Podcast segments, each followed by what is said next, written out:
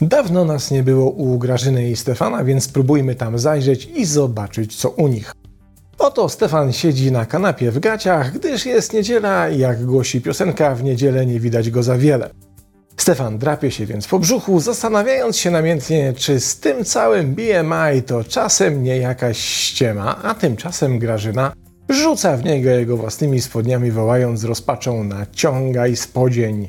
I zamiast kombinować, czy kupić sobie kolejnego drona, lepiej mnie gdzieś porwij, żeby było wystawnie i na bogato, żebym choć raz poczuła, jak celebrujemy nasz związek.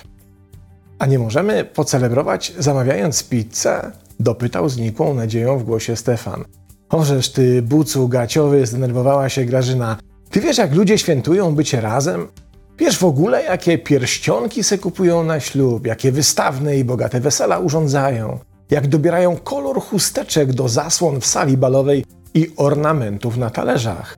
Ty wiesz, jakie to dla nich ważne wydarzenie taki ślub? Że przygotowania trwają miesiącami, żeby wszystko było idealne? No, westchnął Stefan. A kiedy w rok później ci specjaliści od wesela w kredycie są już po rozwodzie, to i tak zamawiają pizzę.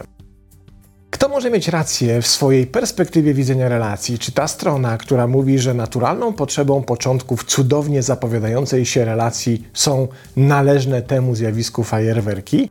Czy też ta strona, która twierdzi, że nie trzeba żadnych fajerwerków, bo udana relacja jest wystarczającym fajerwerkiem? I zanim odpowiemy na to pytanie, pamiętajmy, że dylemat nie dotyczy wyłącznie relacji romantycznej, ale każdej nowo powstałej. O co z tymi fajerwerkami chodzi? Pokażmy to na przykładzie. Oto osoba A poznaje osobę B. I cóż tu dużo mówić, te dwie osoby przypadają sobie do gustu. Od tej pory stają się sobą zauroczone, bo przecież świetnie im się ze sobą rozmawia, a tak dobrze się rozumieją, wydają się uzupełniać jedna drugą. I to może być sytuacja, w której do zespołu dołącza nowy pracownik i szybko łapie kontakt i porozumienie z jedną z osób. To może też być nowo poznany kumpel na przyjęciu, z którym od razu się lepiej gada niż z większością pozostałych. I może to też być związek romantyczny, w którym szybko rosnący zachwyt daną osobą, wzajemny lub jednostronny, dotyczy potencjalnej partnerki czy partnera. W kolejnym kroku jedna z tych osób, zazwyczaj ta bardziej zauroczona lub opcjonalnie obydwie, odczuwają rodzaj napięcia, którego głównym fundamentem jest chęć wykrzyczenia światu o tym, że spotkało się na swej drodze tak wspaniałą osobę, z którą czuje się tak wspaniałą więź. To wykrzyczenie światu może jednak przybierać różne formy. Oto para zaczyna obnosić się ze swoim związkiem. Wszędzie, gdzie chodzą, trzymają się za ręce, noszą takie same bluzy i czapki, żeby nie było wokół najmniejszej wątpliwości, jak strasznie do siebie pasują. Oto nowo poznani współpracownicy tak kombinują, by realizować wyłącznie wspólne projekty, pracować przy tych samych zadaniach i po prostu spędzać ze sobą jak najwięcej czasu. Pojawiają się więc fajerwerki. Dokładnie takie same jak na wystawnych ślubach, których blask ma obwieścić całemu światu, że oto dwie połówki jabłka spotkały się w chaosie wszechświata, odnalazły nawzajem i emanują szczęściem i uwielbieniem. Kiedy teraz przyjrzymy się takim fajerwerkom, to odkryjemy pewien łączący je wzorzec. One wszystkie mają być głośne i emitować oślepiające błyski, bo gdyby się miało okazać, że pośród tego lukru można dostrzec jakąś rysę, jakąś nawet najmniejszą cichutko wyszeptaną wątpliwość, to właśnie fajerwerki sprawią, że albo tego nie będzie widać i słychać, albo też nikt na to nie zwróci uwagi. Im zaś większe fajerwerki, tym łatwiej zagłuszyć i ukryć ewentualne relacyjne mankamenty. W relacjach powstających bez fajerwerków widać wszystko jak na dłoni i dużo trudniej cokolwiek ukryć. By pokazać tę zależność, przyjrzyjmy się następującemu przykładowi.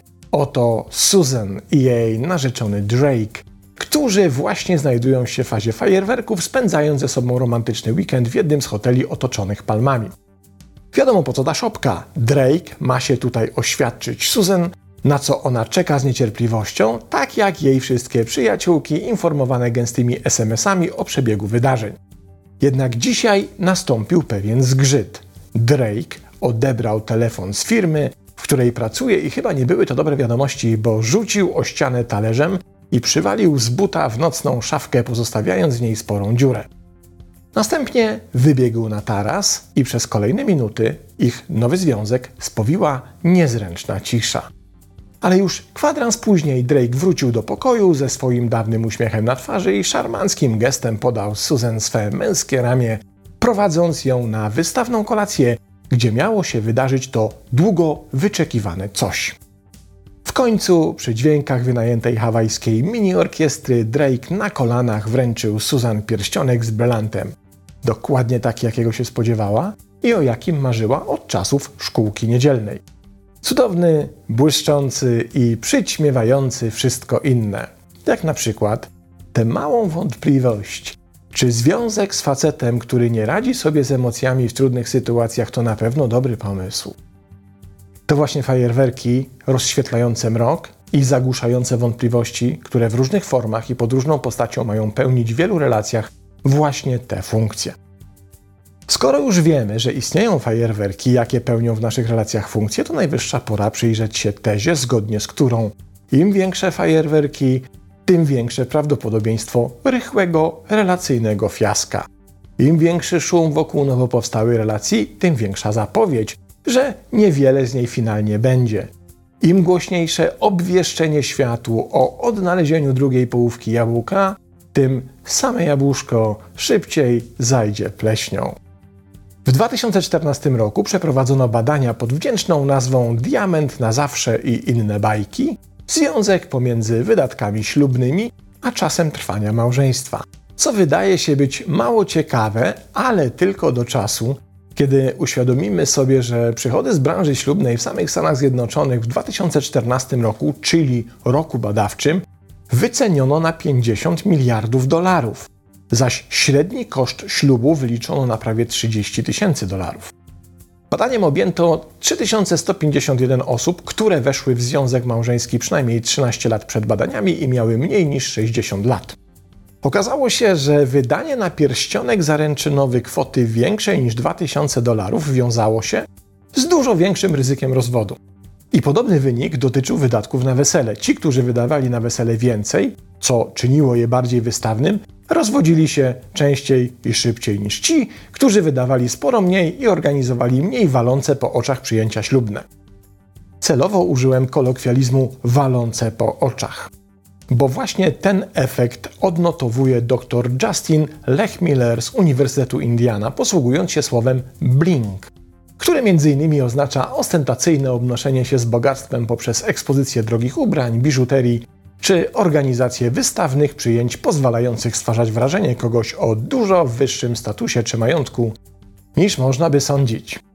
Lech Miller stawia tezę, że nasza współczesna kultura jest przesiąknięta blingiem, co właśnie najlepiej widać po organizacji wystawnych wesel, gdzie celebruje się związek w taki sposób, jakby jego wartość zależała od ilości pieniędzy wpompowanych w przyjęcie, czy właśnie pierścionek zaręczynowy, co daje wspomniany wcześniej efekt relacyjnych fajerwerków.